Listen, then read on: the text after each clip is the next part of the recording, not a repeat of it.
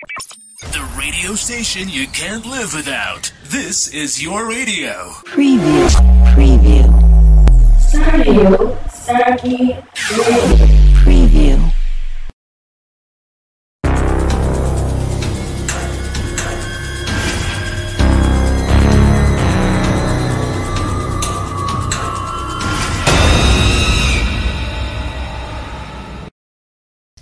Malam semuanya, pada hari ini gue Maria Pratiwi akan menceritakan kisah tentang seseorang tak berekspresi.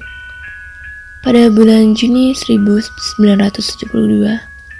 seorang wanita muncul di rumah sakit Jadar Senai hanya dengan gaun putih berlumuran darah. Sekarang ini seharusnya tidak terlalu mengejutkan karena banyak orang sering mengalami kecelakaan dan datang ke rumah sakit terdekat untuk mendapatkan perawatan medis. Tetapi ada dua hal yang menyebabkan orang melihat dia muntah dan lari ketakutan. Yang pertama adalah dia bukan manusia. Dia menyerupai sesuatu yang mirip dengan manekin, tapi memiliki ketangkasan dan keluasan manusia normal. Wajahnya tampak cacat seperti boneka, tanpa alis dan diolesi makeup. Ada seekor anak kucing yang menjepit di rahangnya dengan sangat tidak wajar sehingga tidak ada gigi yang terlihat. Dan darahnya masih menyembur keluar dari gaunnya dan ke lantai. Dia kemudian menariknya keluar dari mulutnya, lemparkannya ke samping dan terjatuh. Saat dia melangkah melewati pintu masuk, dia benar-benar tenang, tanpa ekspresi dan tidak bergerak. Para dokter berpikir, lebih baik menahannya sampai pihak berwenang tiba dan dia tidak memprotes.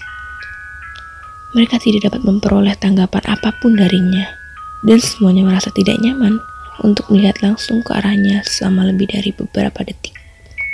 Tapi, begitu saat mencoba membiusnya, dia melawan dengan kekuatan ekstrim. Anggota staf harus menahannya saat tubuhnya naik ke tempat tidur dengan ekspresi kosong yang sama.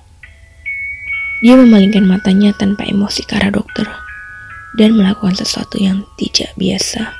Dia tersenyum. Saat dia melakukannya, dokter menjerit. Di mulut wanita itu bukan gigi manusia, melainkan paku yang panjang dan tajam. Dokter laki-laki balas menatapnya sejenak sebelum bertanya, "Kamu ini apa?"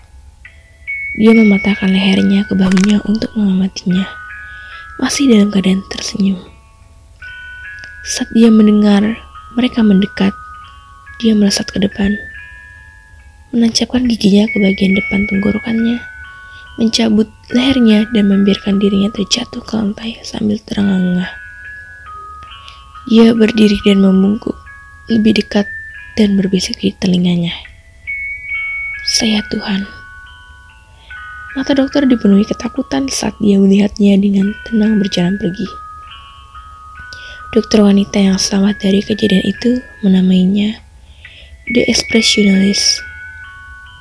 Dan saat itu tidak pernah ada penampakan makhluk itu lagi.